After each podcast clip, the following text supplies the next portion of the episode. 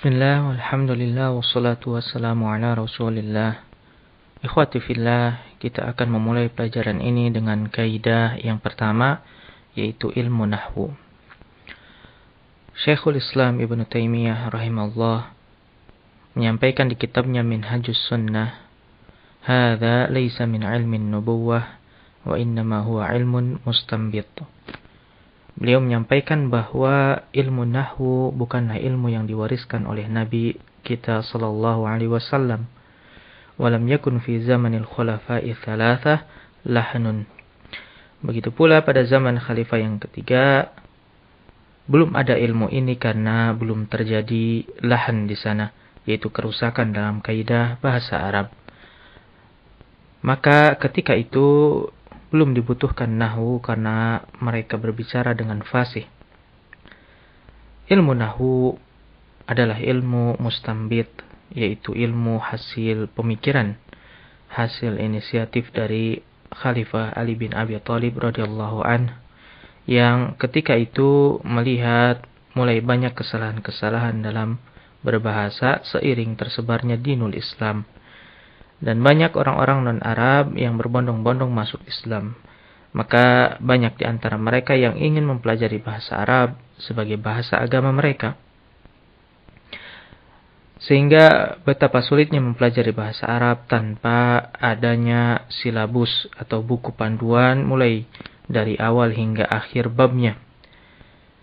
Ketika beliau tinggal di Kufa, maka beliau memerintahkan Abul Aswad Ad-Duali untuk menyusun suatu kaidah ringkas untuk memudahkan para pemula dalam mempelajari bahasa Arab.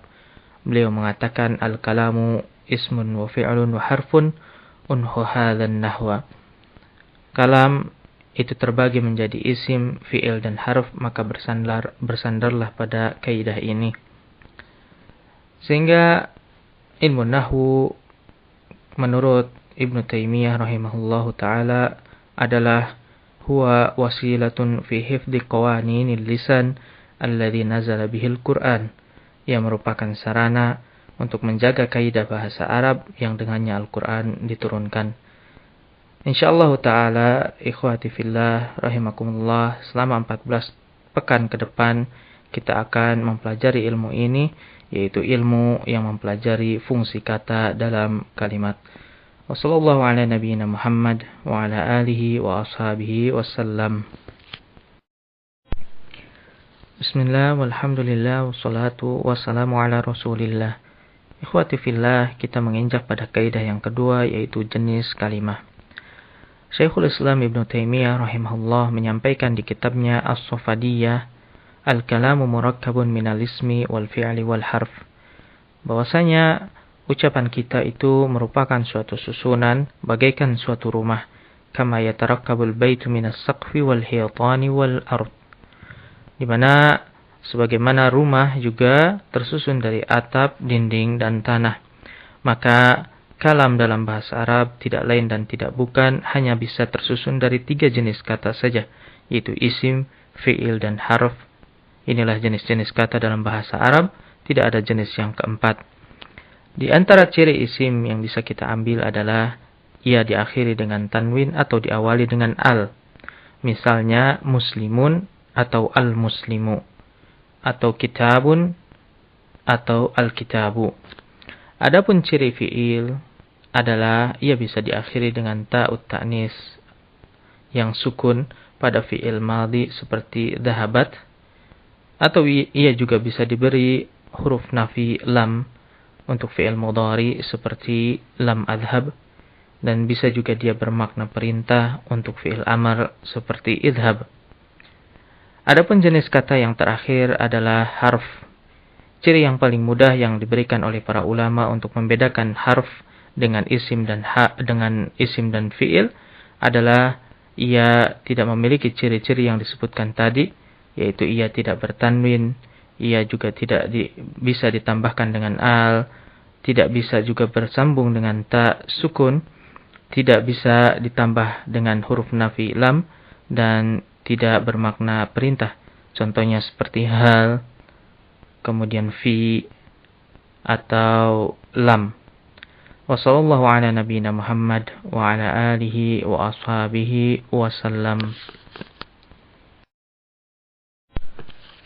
Bismillah, walhamdulillah, wassalatu wassalamu ala rasulillah.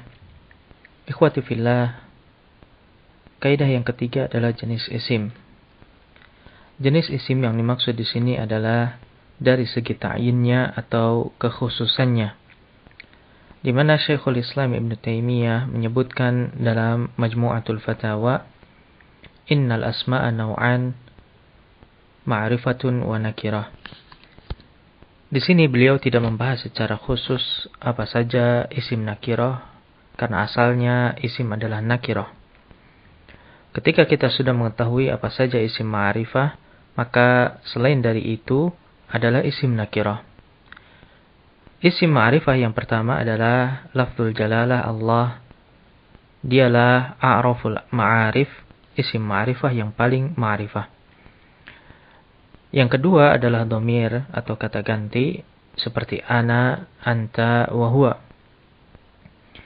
Kemudian yang ketiga isim alam atau nama diri seperti Muhammadun wa Aisyah.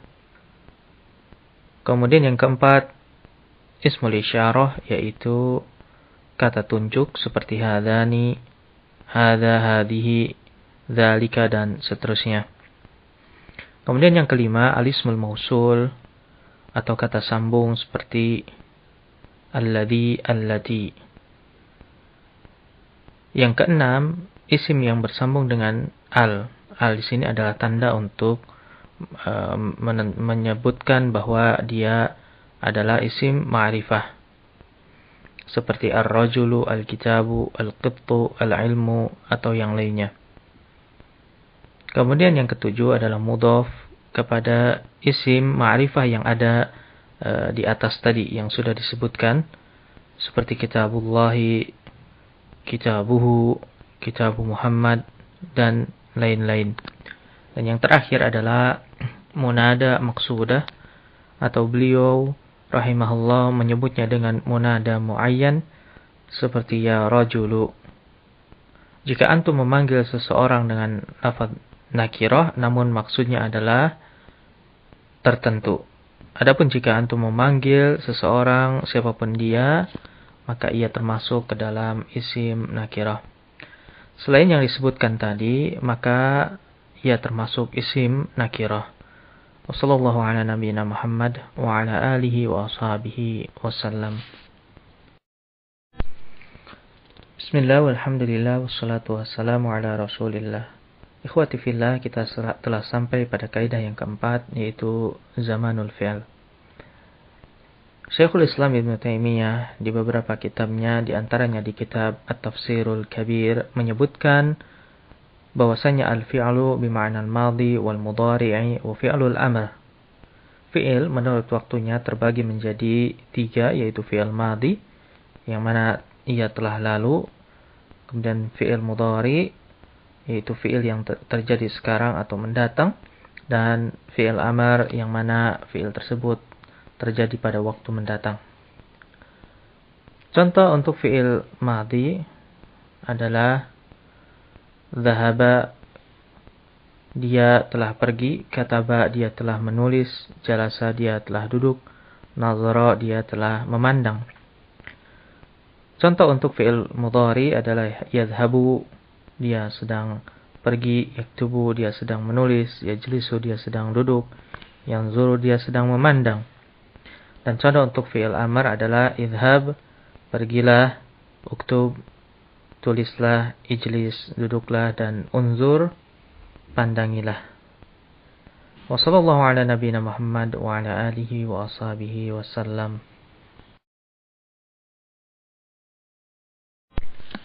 Bismillah, walhamdulillah, wassalatu wassalamu ala rasulillah. Kaidah yang kelima adalah jenis fi'il. Yang dimaksud dengan jenis fi'il di sini adalah ditinjau dari kebutuhannya terhadap maf'ul bih. Apa itu maf'ul bi? Maf'ul bi adalah objek dan ia akan dibahas lebih lengkap di kaidah ke-17. Syekhul Islam Ibn Taimiyah menyebutkan dalam Majmu'atul Fatawa wal af'alu naw'an muta'addin wa lazim. Fi'il lazim adalah fiil yang tidak membutuhkan maf'ul bih seperti dhahabtu wa jalastu. Jika ada pertanyaan, bukankah duduk itu di atas kursi dan kursi adalah benda yang diduduki? Mengapa kursi tidak disebut maf'ul bih? Duduk di atas kursi yang mana dalam bahasa Arab jalastu 'alal kursi, maka al-kursi di sana menurut kaidah nahwu tidak bisa disebut maf'ul bih karena ia tidak mansub. Karena maf'ul bih selalu mansub. Meskipun ia adalah objek secara makna, yaitu yang diduduki. Sehingga fiilnya, yaitu jalasa, tetap disebut fiil lazim. Adapun fiilan maf'ul bihnya, seperti katabtu ar-risalata wa nazartu al-jabala. Kita lihat di sini kata ar-risalata dan al-jabala diakhiri dengan fathah menandakan bahwa ia adalah maf'ul bih. Sekaligus ini juga menandakan bahwa fiilnya yaitu kataba dan nazara adalah fiil muta'addi. Wa sallallahu ala nabiyyina wa ala alihi wa ashabihi wasallam. Bismillah, walhamdulillah, wassalatu wassalamu ala rasulillah. Kaidah yang keenam adalah jenis huruf. Sudah kita ketahui bahwa jenis kalimah yang ketiga adalah huruf. Dan huruf yang dimaksud di sini adalah huruf ma'ani. Yaitu huruf yang bermakna ketika ia bersama dengan kalimah yang lain. Adapun huruf hijaiyah, yaitu alif, ba, ta, dan seterusnya, maka ia tidak termasuk dalam pembahasan nahu karena ia bukan kalimah. Di sini Syekhul Islam Ibn Taimiyah menyebutkan bahwa huruf ma'ani ada yang beramal. Innal huruf al-amilah asluha an takuna lil ikhtisas. Huruf yang beramal adalah huruf yang mukhtas. Saya akan terangkan apa maksud ungkapan beliau tersebut. Huruf yang beramal adalah huruf yang mampu mengubah i'rab kata setelahnya. Insyaallah akan kita bahas lebih detail nanti pada kaidah ke 37 sampai ke 40. Apa saja huruf yang bisa beramal. Kemudian apa itu yang dimaksud dengan huruf mukhtas? Huruf mukhtas adalah huruf yang hanya bisa bertemu dengan jenis kata tertentu saja, yaitu isim saja atau fi'il saja.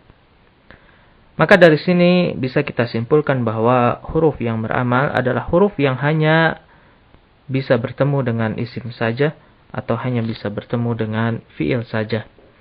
Dan sebaliknya, huruf yang bisa bertemu dengan kedua jenis kata yaitu isim dan fiil, maka ia tidak bisa beramal. Misalnya huruf min. Setelah min pasti isim, tidak mungkin fiil maka dari itu ia beramal pada isim setelahnya. Misalnya al-baitu minal baiti. Contoh lainnya lam. Setelah lam pasti fi'il mudhari. Maka dari itu ia beramal pada fi'il mudhari setelahnya. Contohnya adhabu lam adhab. Sedangkan hal yang mana dia adalah uh, huruf istifham setelahnya bisa isim atau bisa juga fiil. Maka ia tidak beramal pada isim maupun pada fiil. Wassallallahu ala nabiyyina Muhammad wa ala alihi wa ashabihi. Bismillah walhamdulillah wassalatu wassalamu ala rasulillah. Kaidah yang ketujuh adalah pengertian kalam. Syekhul Islam Ibn Taimiyah dalam kitabnya Ar-Raddu 'alal Mantiqiyin berkata, Al-kalamul mufidu la yakunu illa jumlatan tammah kasmaini au fi'lin wasmin. Kalam mufid adalah kalimat yang sempurna. Sekurang-kurangnya ia harus terdiri dari dua isim atau satu fi'il dan satu isim. Kaidah ini sebetulnya berkaitan erat dengan kaidah berikutnya yaitu jenis kalam. Hanya saja beliau di sini tidak mengatakan secara terang-terangan apa saja jenis kalimat. Namun dari kaidah di atas atau kaidah tadi bisa kita pahami bahwa jumlah tamah atau kalimat yang sempurna bisa terdiri dari dua isim, yaitu mubtada dan khabar, atau terdiri dari satu fi'il dan satu isim, yaitu fi'il dan fa'il. Bolehkah jumlah tamah ini terdiri lebih dari itu? Boleh. Asalkan syarat minimalnya tadi terpenuhi, yaitu ada mubtada khabar atau fi'il fa'il. Setelah itu boleh ditambahkan dengan tambahan lainnya. Adapun jika terdiri dari isim dan harf misalnya, seperti minal masjidi, atau terdiri dari tiga harf misalnya, seperti min wa ila, maka ini bukan kalam mufid, ya, karena ia e, tidak sempurna atau ghairu mufidah, yakni tidak terpenuhinya e, penyusun utama yaitu mubtada khabar dan atau fi'il dan fa'il. Wassallallahu ala nabiyyina Muhammad wa ala alihi wa ashabihi wasallam. Bismillah, walhamdulillah, wassalatu wassalamu ala rasulillah. Kaidah yang ke-8 adalah jenis kalam. Setelah diketahui unsur penyusun kalam pada kaidah ketujuh, maka kita bisa mengetahui bahwa jenis kalam hanya ada dua. Wal kalamu jumlatani ismiyatun wa fi'liyah. Jika terdiri dari mubtada dan khobar, maka ia disebut jumlah ismiyah. Sedangkan jika terdiri dari fi'il dan fa'il, disebut dengan jumlah fi'liyah. Tidak ada jenis yang ketiga, misalnya jumlah harfiyah. Karena huruf bukan unsur utama pada suatu kalimat, ia hanyalah tambahan. Misalnya pada kalimat lam adhab atau inna zaidan qaimun tidak kita katakan dia adalah jumlah harfiah. Huruf di sana ditambahkan setelah sebelumnya terdiri dari fi'il dan fa'il atau mubtada dan khobar. Maka jumlah ismiyah bukan semata-mata karena ia didahului oleh isim. Begitu juga jumlah fi'liyah bukan semata-mata karena ia didahului oleh fi'il. Karena jika demikian, maka pasti ada jumlah harfiah yang didahului oleh huruf. Disebut jumlah fi'liyah adalah karena ia terdiri dari fi'il dan fa'il, sedangkan disebut jumlah ismiyah karena ia terdiri dari mubtada dan khobar. Wassallallahu ala nabiyyina Muhammad wa ala alihi wa ashabihi wasallam.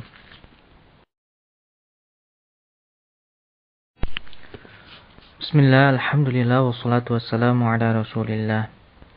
Kaidah yang kesembilan yaitu i'rab. Inilah inti dari semua kaidah. Karena nahu sebagaimana disebutkan di kaidah pertama, adalah ilmu yang mempelajari fungsi kata dalam kalimat. Dan untuk mengetahui fungsi tersebut adalah dengan cara mengetahui i'rabnya. Maka i'rab adalah kunci nahwu. Al-Imam Ibnu Qayyim Al-Jauziyah rahimahullah menyebutkan di kitabnya Bada'i'ul Fawaid ikhtassal i'rabu bil awakhir. I'rab hanya ada di akhiran kata. Dari sini kita mengetahui bahwa fokus nahwu bukan pada struktur kata atau wazan, melainkan hanya pada akhirannya saja. Karena di sanalah letak i'rab. Sebagai contoh, hadza kitabun Kata kitabun diakhiri dengan dommah. Inilah yang disebut dengan tanda rofa. Adapun isimnya disebut dengan isim marfu. Contoh lainnya akhadtu kitaban. Kata kitaban diakhiri dengan fathah. Inilah yang disebut tanda nasab. Adapun isimnya disebut dengan isim mansub. Contoh lainnya dhahabtu bikitabin. Kata kitabin diakhiri dengan kasrah Inilah yang disebut dengan tanda jar. Adapun isimnya disebut dengan isim majrur. Dan contoh terakhir lam adhab. Kata adhab diakhiri dengan sukun. Inilah yang disebut tanda jazm. Adapun fi'ilnya disebut fi'il majzum. Maka kita simpulkan bahwa i'rab ada empat jenis yaitu rofa, nasab, jar, dan jazm. Wassallallahu ala nabiyyina Muhammad wa ala alihi wa ashabihi wasallam. Bismillah, alhamdulillah, wassalatu wassalamu ala rasulillah.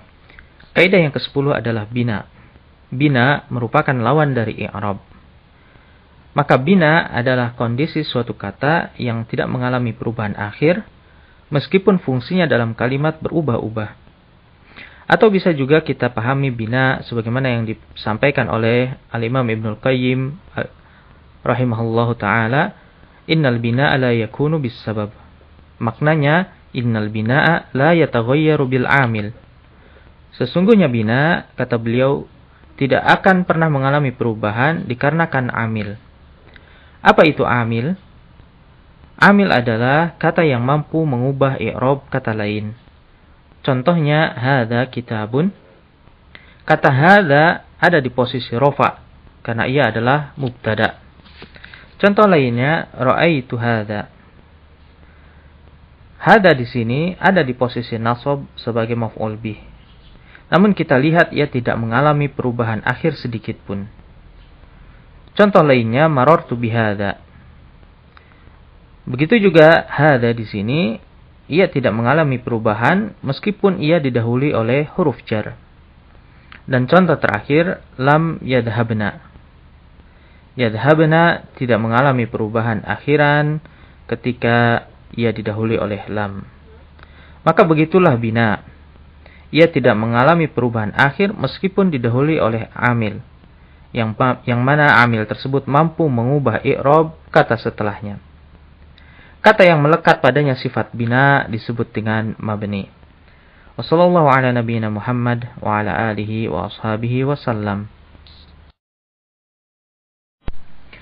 Bismillah walhamdulillah wassalatu wassalamu ala rasulillah.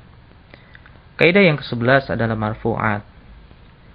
Setelah kita mengetahui i'rab dan jenis-jenisnya, yang mana salah satunya adalah rofa, maka kita akan mengetahui fungsi-fungsi apa saja yang ditunjukkan oleh isim marfu' di dalam kalimat. Syekhul Islam Ibn Taimiyah rahimahullah menyebutkan, "Ma minal mu'arabati umdatun fil kalam. La budda lahu minhu fakana lahul marfu'." Di antara isim mu'arab ada yang berfungsi sebagai inti kalimat. Mau tidak mau, inti kalimat ini harus ada dalam kalimat. Maka ia berhak marfu. Dari perkataan beliau, kita bisa mengambil faidah bahwa ketika kita menemukan isim marfu di dalam kalimat, maka ialah inti kalimat. Apa saja yang berfungsi sebagai inti kalimat? Yang pertama adalah fa'il seperti kata Zaidun pada kalimat Ja'a Zaidun. Yang kedua dan ketiga adalah mubtada dan khabar. Keduanya ada pada kalimat Aliyun Talibun. Dan insya Allah masing-masing akan dijelaskan pada kaidah berikutnya. Wassalamualaikum warahmatullahi wabarakatuh. Bismillah walhamdulillah wassalatu wassalamu ala rasulillah Kaidah yang ke-12 adalah fa'il Syekhul Islam Ibn Taimiyah di kitabnya Dar'u Ta'arudil Aqli wan Naqli juga dalam Daqaiqut Tafsir menyebutkan Innal fi'la la budda min fa'il Ini yang pernah kita pelajari dari kaidah ke-8 di mana jumlah fi'liyah minimalnya terdiri dari fi'il dan fa'il tidak boleh tidak. Artinya tidak mungkin ada fi'il berdiri sendiri tanpa fa'il. Ketika menyandarkan suatu fi'il kepada fa'il, maka ada aturannya. Yang pertama, harus disesuaikan nau'nya atau gendernya. Misalnya, ja'a Zaidun wa dhahabat Aisyatu. Kita perhatikan di sini Zaid adalah mudzakkar, maka fiilnya tidak perlu ditambah dengan ta'ut ta'nis. Sedangkan Aisyah adalah muannas, maka fiilnya perlu ditambah dengan ta'ut ta'nis. Dan yang kedua, fiil tidak perlu ditambahkan domir musanna maupun jama' ketika fa'ilnya musanna atau jama'. Misalnya ja'al muslimu wa ja'al muslimani wa ja'al muslimuna. Itulah kaidah yang perlu kita perhatikan ketika menyusun sebuah jumlah fi'liyah. Wassallallahu ala nabiyyina Muhammad wa ala alihi wa ashabihi wasallam. Bismillah, walhamdulillah, wassalatu wassalamu ala rasulillah. Kaidah ke-13 adalah mubtada. Al-Imam Ibn Al-Qayyim rahimahullah menyebutkan aslul mubtada'i ayyakuna ma'rifah. Mubtada merupakan subjek dalam jumlah ismiyah. Sedangkan khabar adalah predikatnya. Cirinya adalah mubtada berada di awal kalimat dan ia isim ma'rifah, sedangkan khabar berada setelahnya dan ia nakirah. Misalnya Allahu khaliqun. Huwa mudarrisun. Zaidun karimun. Hadha kitabun. Alladhi dhahaba ja'a. Al-Qur'anu nurun. Akhi mariyudun. Sallallahu ala nabiyyina Muhammad wa ala alihi wa ashabihi wasallam.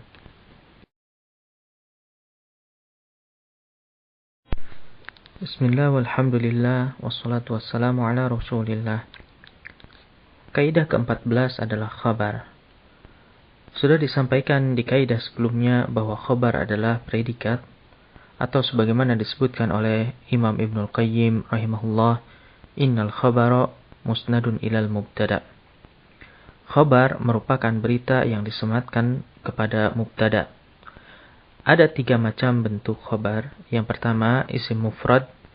Jika khobarnya berupa isim mufrad, maka nau'nya dan adadnya harus sama. Misalnya, al-talibu hadirun, al-talibani hadirani, al-tullabu hadiruna. Atau al-talibatu hadiratun, al-talibatani hadiratani, al-talibatu hadiratun. Bentuk yang kedua adalah syibhul jumlah atau frase dalam bahasa Indonesia. Misalnya Zaidun fil masjidi atau Zaidun amamal baiti. Dan bentuk yang ketiga adalah jumlah.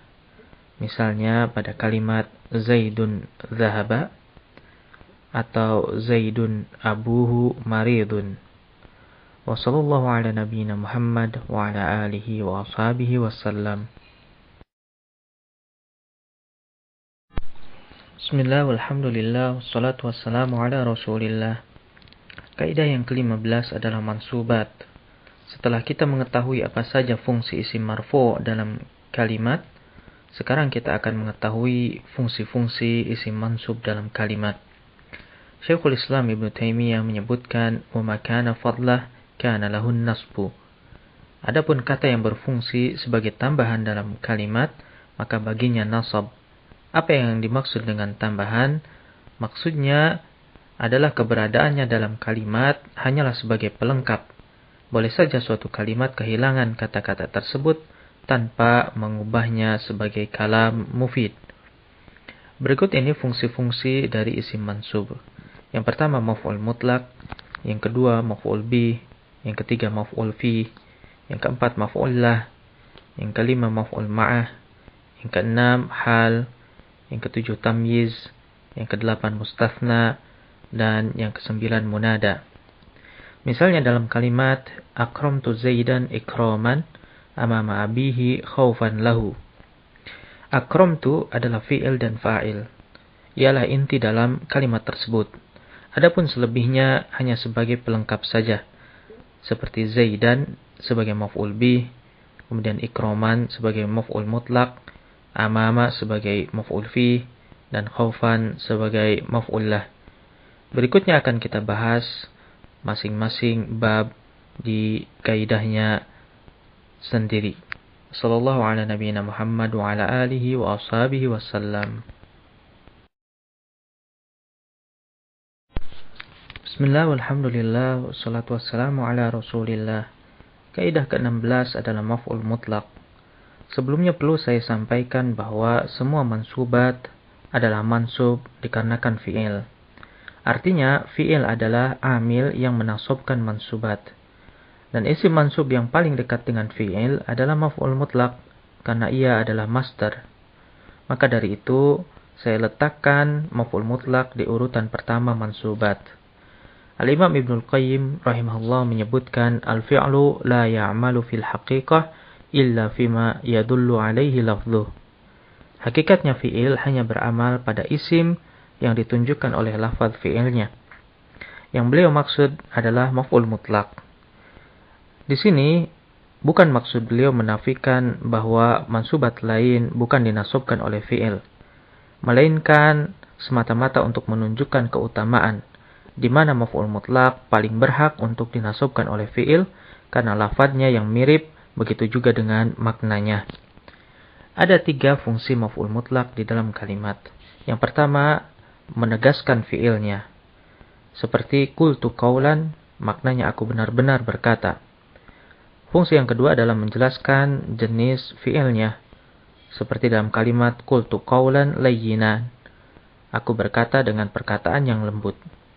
Fungsi yang ketiga adalah menjelaskan jumlah fiilnya seperti kultu kaulani atau afwan kultu kaulaini. Aku berkata dua kali. Ala nabiyyina Muhammad wa ala alihi wa ashabihi wasallam.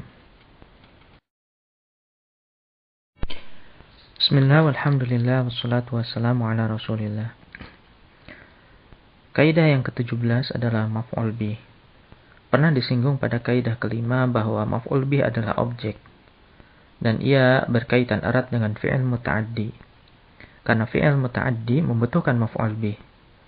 Sebagaimana disampaikan oleh Imam Ibnul Qayyim rahimahullah, qad yata'addal fi'lu binafsihi ila maf'ul fi'il muta'addi membutuhkan maf'ul bih dengan sendirinya.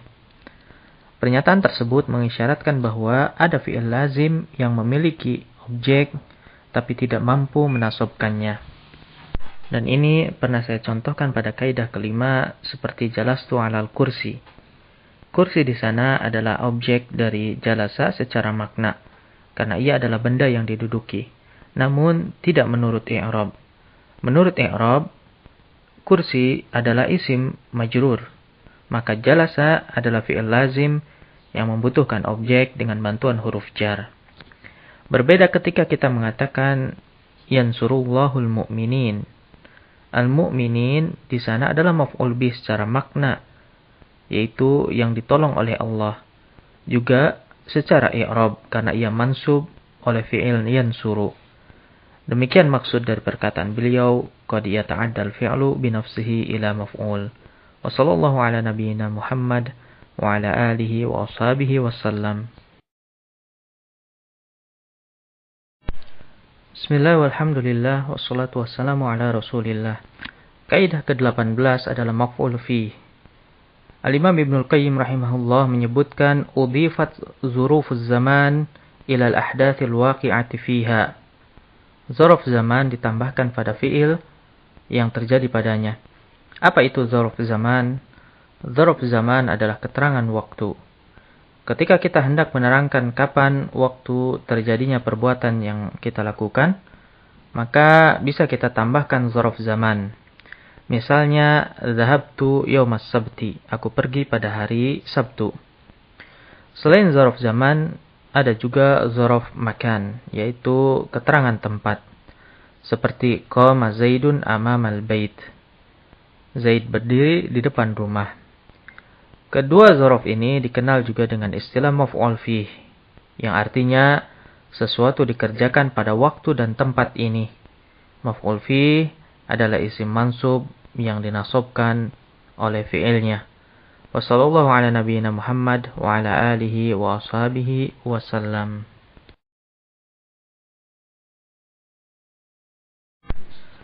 Bismillah walhamdulillah wassalatu wassalamu ala rasulillah. Kaidah ke-19 adalah maf'ullah. Al-Imam Ibnul Qayyim rahimahullah menyampaikan innal maf'ulala huwa illatul fi'al. Sejatinya maf'ullah adalah sebab terjadinya fi'il. Setiap yang berakal pasti melakukan perbuatan dengan alasan. Jika alasan tersebut dimunculkan dalam kalimat, itulah yang disebut dengan maf'ullah dalam nahu. Sehingga maf'ullah adalah isim mansub yang berbentuk masdar yang berfungsi untuk menjelaskan sebab terjadinya fi'il. Ada dua bentuk maf'ullah yang bisa kita gunakan. Yang pertama berbentuk isim nakirah. Misalnya zurtuhu ikraman. Aku mengunjunginya untuk menghormati. Atau yang kedua berbentuk mudhof, misalnya dhahabtu ilal madrasah talaban ilmi. Aku pergi ke sekolah untuk menuntut ilmu. Sedangkan jika bentuknya selain dari itu, maka harus ditambahkan huruf lam sebelumnya, misalnya zurtuhu lil ikrami. Wassalamualaikum warahmatullahi wabarakatuh. Muhammad wa ala alihi wa.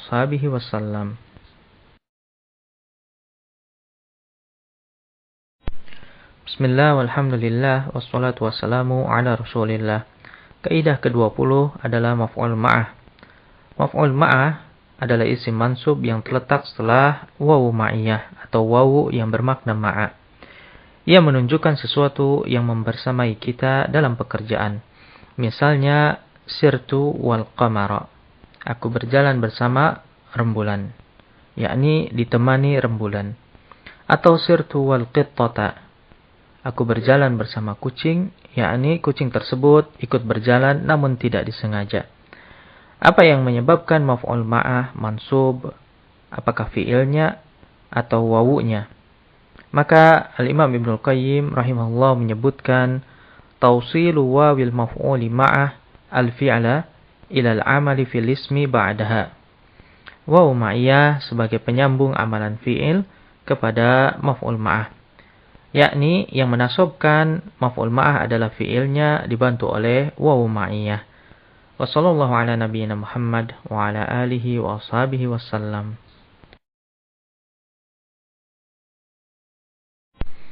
Bismillah walhamdulillah wassalatu wassalamu ala rasulillah. Kaidah ke-21 adalah hal. Hal adalah isim mansub yang menerangkan kondisi seseorang atau sesuatu. Misalnya, ja'a rajulu dhahikan. Lelaki itu datang sambil tersenyum. Selain itu, hal juga bisa berbentuk jumlah atau syibul jumlah sebagaimana khobar. Misalnya, ja'a rajulu alal qadamain. Lelaki itu datang sambil berjalan. Atau ja'a rajulu wa huwa yabtasim lelaki itu datang sambil tersenyum. Apa yang menasobkan hal? Al-Imam Ibn Qayyim rahimahullahu menjelaskan ta'addal fi'lu ilal hali binafsih. Fi'il beramal kepada hal dengan sendirinya. Wassallallahu ala nabiyyina Muhammad wa ala alihi wa ashabihi wasallam.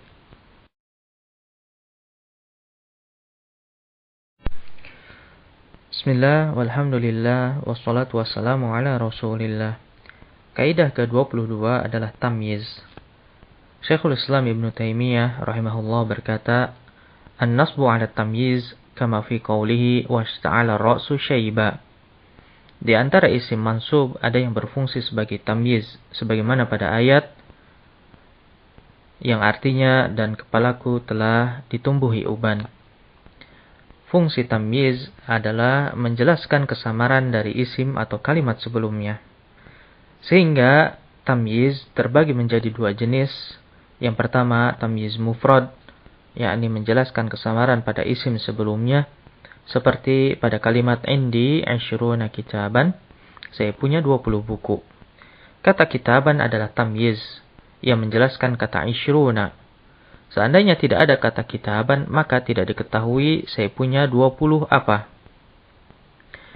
Kemudian yang kedua, tamyiz jumlah menjelaskan kesamaran pada kalimat sebelumnya. Seperti anta khairu minni ilman. Kamu lebih banyak dariku ilmunya. Kata ilman adalah tamyiz menjelaskan kalimat anta aktsaru minni. Seandainya tidak ada kata ilman, maka tidak diketahui kamu lebih banyak dariku dalam hal apa. Demikianlah penjelasan tamyiz. Wassalamualaikum Muhammad wa ala alihi wa ashabihi wasallam. Bismillah, walhamdulillah, wassalatu wassalamu ala rasulillah. Kaidah ke-23 adalah mustathna. Al-Imam Ibn Qayyim rahimahullah menjelaskan, Falismul mustathna mukhrajun minal mustathna minhu, wa hukmuhu mukhrajun min hukmih. Mustathna dikecualikan dari mustathna minhu, begitu pula dalam hukumnya. Maka hukum mustathna selalu berkebalikan dari hukum mustathna minhu Misalnya, ja'at tullabu illa Zaidan. Para siswa telah datang kecuali Zaid. Kata at-tullabu disebut mustasna minhu, yaitu kelompok asalnya. Kemudian kata illa disebut adatul istifna dan kata Zaidan disebut mustasna. Kita lihat kalimat ja'at tullabu ini adalah sebuah informasi. Kemudian muncul mustasna setelahnya illa Zaidan yang berarti ia menyelisihi perbuatan tersebut, yakni Zaid tidak datang. Itulah yang dimaksud dari perkataan Al-Imam Ibnul Qayyim yang mana mustasna adalah dikecualikan dari hukum mustasna minhu. Wa sallallahu ala nabiyyina Muhammad wa ala alihi wa ashabihi wasallam.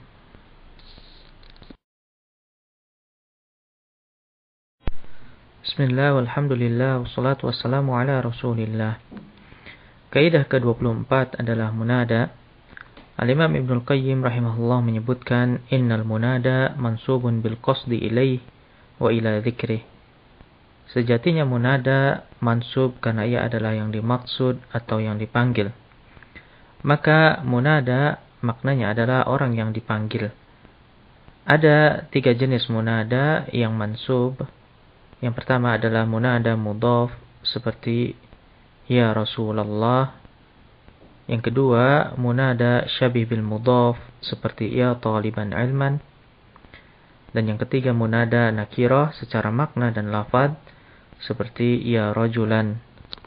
Selain dari tiga bentuk tersebut, maka munada dihukumi mabni. Wassallallahu ala nabiyyina Muhammad wa ala alihi wa ashabihi wasallam.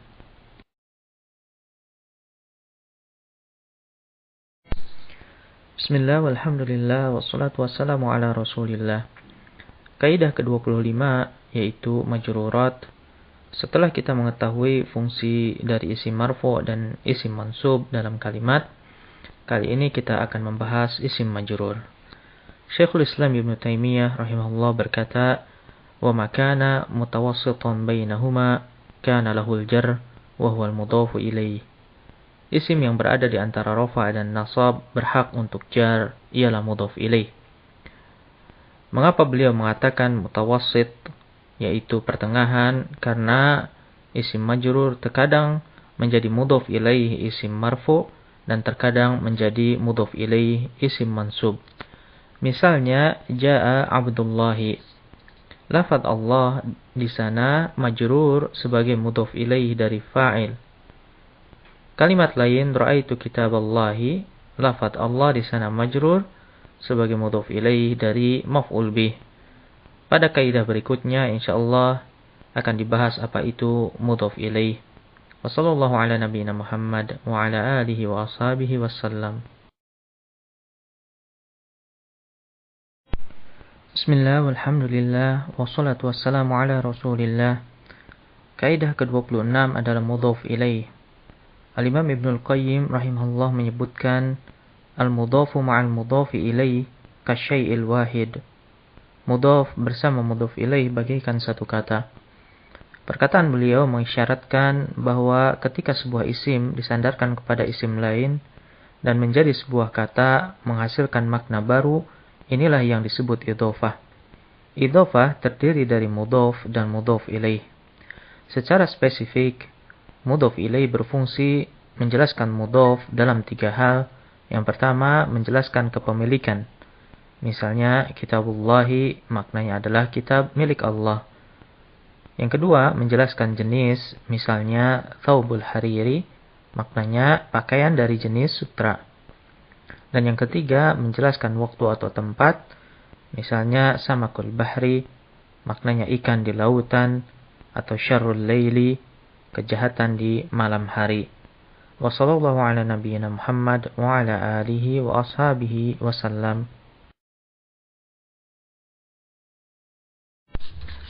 Bismillah, alhamdulillah, wassalatu wassalamu ala rasulillah. Kaidah ke-27 adalah taukid. Ada di antara isim yang i'rabnya selalu mengikuti i'rab sebelumnya yang disebut dengan tawabi'. Tawabi' memiliki empat jenis yang pertama adalah taukid. Apa itu taukid? Taukid adalah lafaz yang berfungsi untuk memperkuat atau menegaskan lafaz sebelumnya. Bagaimana caranya? Syekhul Islam Ibn Taimiyah rahimahullah menyebutkan inna takrira taukid wal ifham. Sejatinya pengulangan berfungsi untuk taukid dan memahamkan. Pengulangan di sini bisa dengan pengulangan lafaz atau pengulangan makna. Contoh untuk pengulangan lafaz adalah ja'at talibu at-talibu. Sungguh siswa itu telah datang. Contoh untuk pengulangan makna adalah dengan menggunakan lafaz tertentu, yakni dengan lafaz nafsun, ainun, atau kullun. Misalnya, Dhahaba Muhammadun nafsuhu. Sungguh Muhammad telah pergi. Wassallallahu ala.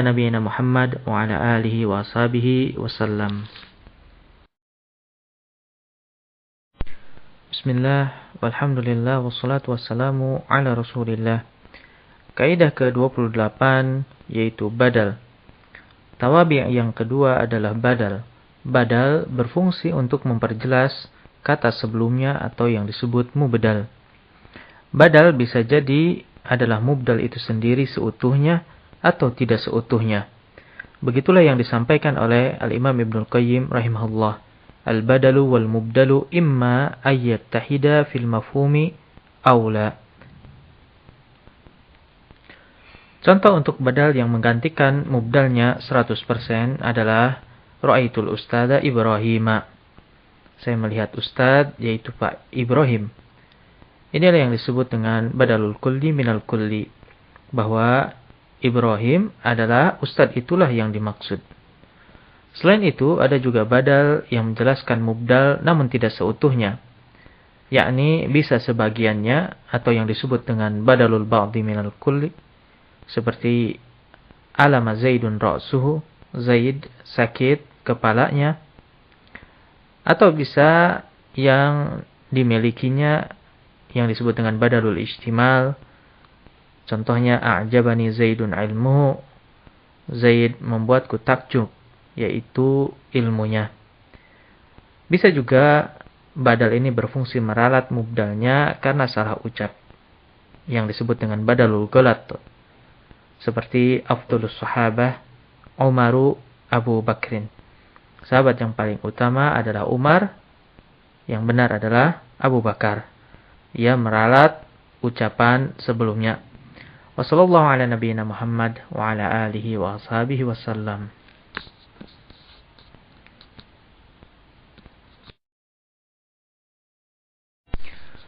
Bismillah walhamdulillah wassalatu wassalamu ala rasulillah Kaidah ke-29 adalah na'at. Na'at merupakan tawabi yang ketiga. Al-Imam Ibn Qayyim rahimahullah menyebutkan Inna hukman na'ati ayyakuna jarian 'ala al-man'ut fi i'rabi. Hukum na'at mengikuti man'utnya dalam hal i'rab. Fungsi na'at adalah menjelaskan sifat dari kata sebelumnya atau disebut dengan man'ut. Tidak hanya dalam i'rab, na'at juga mengikuti man'utnya dalam hal naw' adad dan ta'yinnya.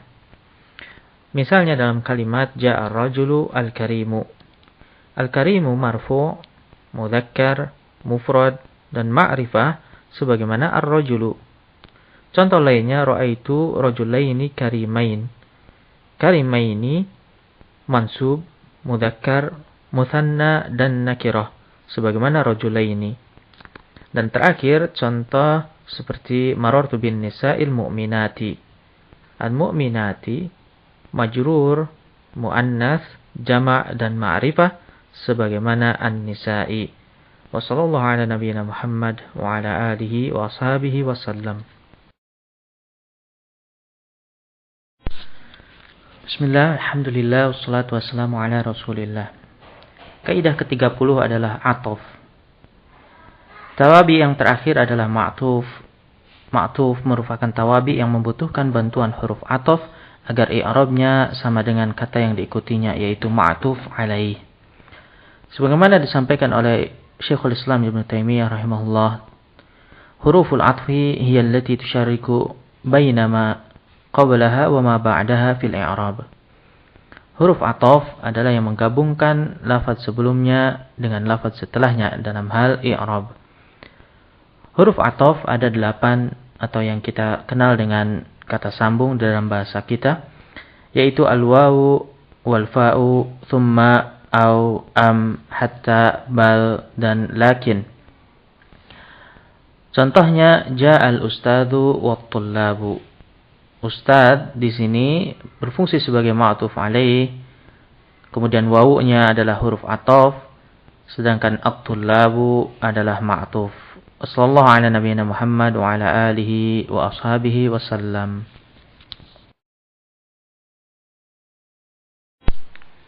Bismillah, walhamdulillah, wassalatu wassalamu ala rasulillah.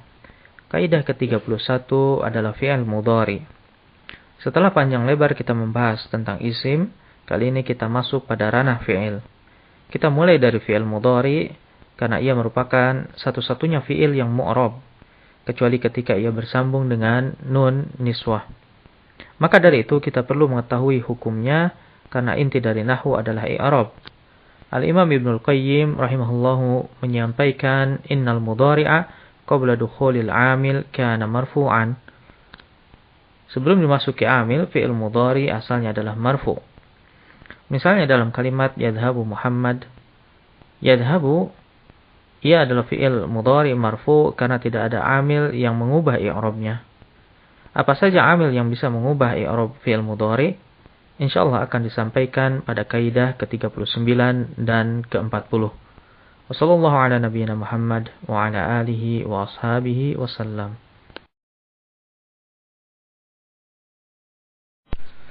Bismillah, walhamdulillah, wassalatu wassalamu ala rasulillah.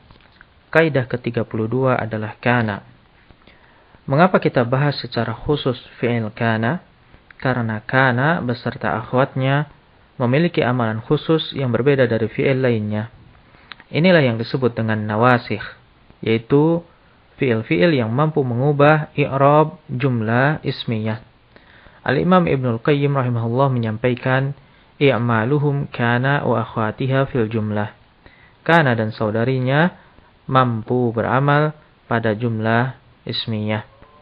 Kita tahu bahwa jumlah ismiyah terdiri dari dua isim yang marfu yaitu mubtada dan khabar. Seperti Allahu ghaniyun. Ketika kalimat tersebut diawali dengan kana, maka menjadi kana Allahu ghaniyan. Lafaz Allah yang semula sebagai mubtada berubah menjadi isim kana dan lafaz ghaniyan yang semula sebagai khabar berubah menjadi khabar kana. Sallallahu ala nabiyyina Muhammad wa ala alihi wa ashabihi wasallam.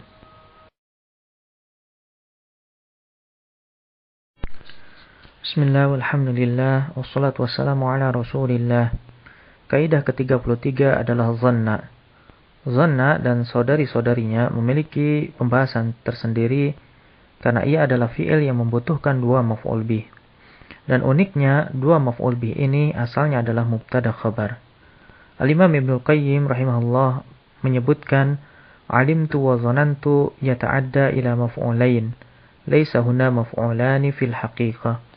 Alimtu dan zonantu membutuhkan dua maf'ul bih. Namun keduanya bukan maf'ul bih yang sebenarnya. Maksud beliau bukan maf'ul bih yang sebenarnya adalah asalnya ia mubtada dan khabar.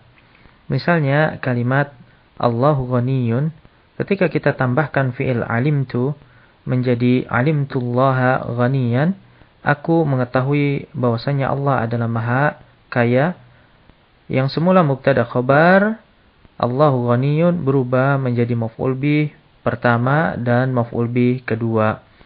Wassallallahu ala nabiyyina Muhammad wa ala alihi wa ashabihi wasallam.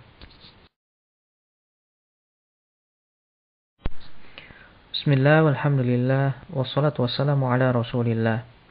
Kaidah ke-34 adalah masdar. Sekarang kita sampai pada pembahasan mushtaqat, yaitu isim-isim yang beramal sebagaimana amalan fi'il. Maka dari itu saya letakkan setelah pembahasan fi'il. Di antara isim tersebut adalah masdar.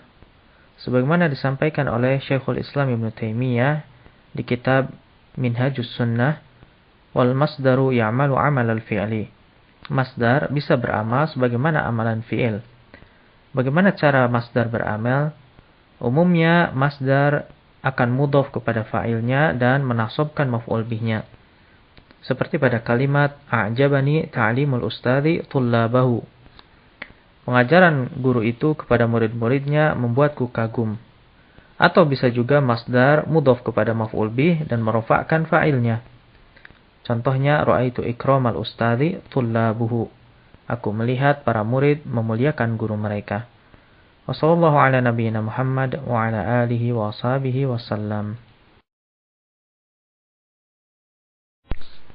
Bismillah, walhamdulillah, wassalatu wassalamu ala rasulillah. Kaidah ke-35 adalah isim fa'il. Isim kedua yang beramal sebagaimana fi'il adalah isim fa'il. Syekhul Islam Ibn Taimiyah berkata, fa inna asmal fa'il kal masdar yudhofu taratan wa ya'malu taratan ukhra. Isim fa'il itu seperti masdar, terkadang ia mudhof kepada maf'ulnya, terkadang beramal kepadanya. Beliau menyebutkan bahwa ada dua pola amalan isim fa'il. Yang pertama mudhof kepada maf'ulnya, atau yang kedua menasobkannya. Contoh ketika ia mudhof kepada maf'ul bi, ana katibur risalati. Saya penulis surat itu. Adapun contoh ketika ia menasobkan maf'ul bihnya, Ana katibun ar-risalata. Saya penulis surat itu. Wassallallahu ala nabiyyina Muhammad wa ala alihi wa ashabihi wasallam. Bismillah, walhamdulillah, wassalatu wassalamu ala rasulillah. Kaidah ke-36 adalah isim maf'ul. Syekhul Islam Ibn Taimiyah rahimahullah berkata, Yutliqun asmal maf'ul ala ma lam yu'lam anna lahu fa'ilan. Mereka yaitu para nuhat membiarkan isim maf'ul beramal pada maf'ul bi yang tidak diketahui fa'ilnya atau yang disebut dengan naibul fa'il. Telah kita ketahui apa itu naibul fa'il.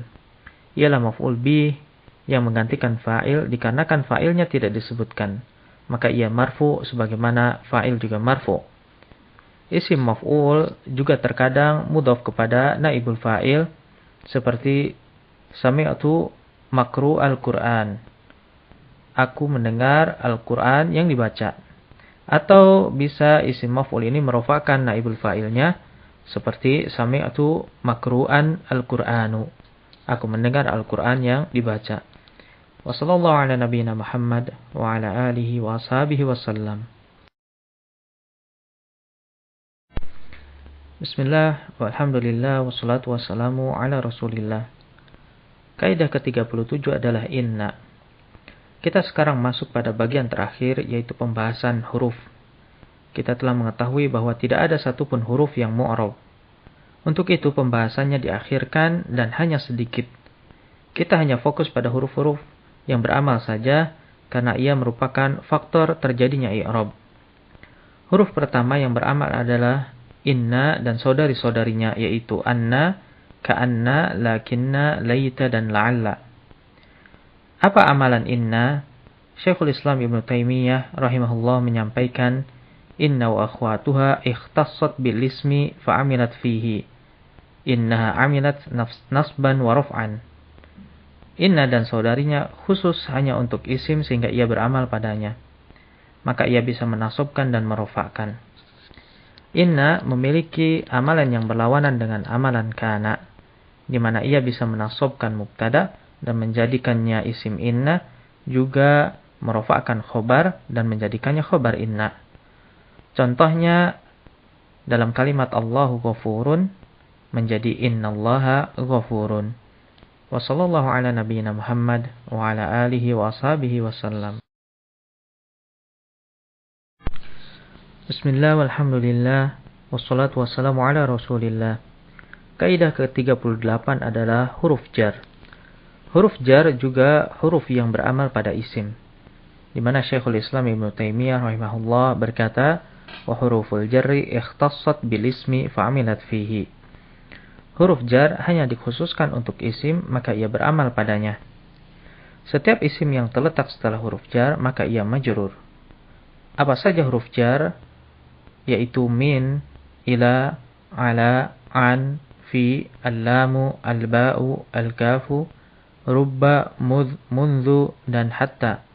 Juga ada huruful qasam yang dia beramal sebagaimana huruful jar, yaitu ba'ul qasam, wawul qasam, dan ta'ul qasam. Contohnya di dalam kalimat, Zahabtu minal baiti ilal maktabati. Ala nabiyyina Muhammad wa ala alihi wa ashabihi wasallam. Bismillah, walhamdulillah, wassalatu wassalamu ala rasulillah. Kaidah ke-39 adalah nawasibul fi'ali. Al-Imam Ibnul Qayyim rahimahullah menyampaikan, Lamma sarat idan harfan mukhtassan bil fi'li, kasairin nawasibi lil af'al, nasabul fi'la ba'dahu. Ketika idan menjadi huruf khusus untuk fi'il, maka ia menasobkannya sebagaimana nawasibul fi'li yang lain. Idan adalah termasuk kepada huruf-huruf yang mampu menasobkan fi'il mudhari. Huruf lainnya adalah an, lan, dan kai. Misalnya dalam kalimat-kalimat berikut ini, uridu an adhaba, aku ingin pergi, lan aghdhaba alaika, aku tidak akan marah kepadamu, ata'allamu kai anjaha, aku belajar agar aku lulus, dan idan tastafida, maka kamu akan mendapatkan manfaatnya. Wassallallahu ala nabiyyina Muhammad wa ala alihi wa ashabihi wasallam. Bismillah, alhamdulillah, wassalatu wassalamu ala rasulillah. Kita telah tiba kepada kaidah ke-40 atau kaidah yang terakhir, yaitu adawatul jazm. Syekhul Islam Ibn Taimiyah rahimahullah berkata, wa hurufu syarti ikhtassat bil fi'li fa'amilat fihi. Huruf syarti dikhususkan hanya untuk fiil, maka ia beramal padanya. Adawatul jazm itu terbagi menjadi dua kelompok. Kelompok yang pertama adalah kelompok yang menjazmkan satu fiil mudhari saja, yaitu lam, lamma, la an-nahiyah, dan lamul amr. Contohnya dalam kalimat lam adhab wala tadhab. Aku tidak pergi dan kamu jangan pergi. Adapun kelompok yang kedua adalah kelompok yang mampu menjazmkan dua fi'il mudhari sekaligus yaitu ada watu syarat. Di antaranya adalah in syaratiyah. Contohnya dalam kalimat in taqra ta'lam. Jika kamu membaca, maka kamu akan mengetahui. Walhamdulillahi bini'amatihi tatimmus salihat. Kita telah menyelesaikan ke-40 kaidah nahwu yang bersumber dari perkataan Syekhul Islam Ibn Taimiyah dan Al-Imam Ibn Qayyim Al-Jauziyah rahimahumallah jami'an. Semoga menjadi amal jariah mereka berdua dan mendapatkan pahala yang berlipat dari sisi Allah Subhanahu wa taala. Dan mohon doanya dari antum sekalian semoga kami juga bisa menyusun kitab arba'in yang semisal akan tetapi di dalam ilmu sorof amin ya rabbal alamin. Wassallallahu ala nabiyyina Muhammad wa ala alihi wa sahbihi wasallam.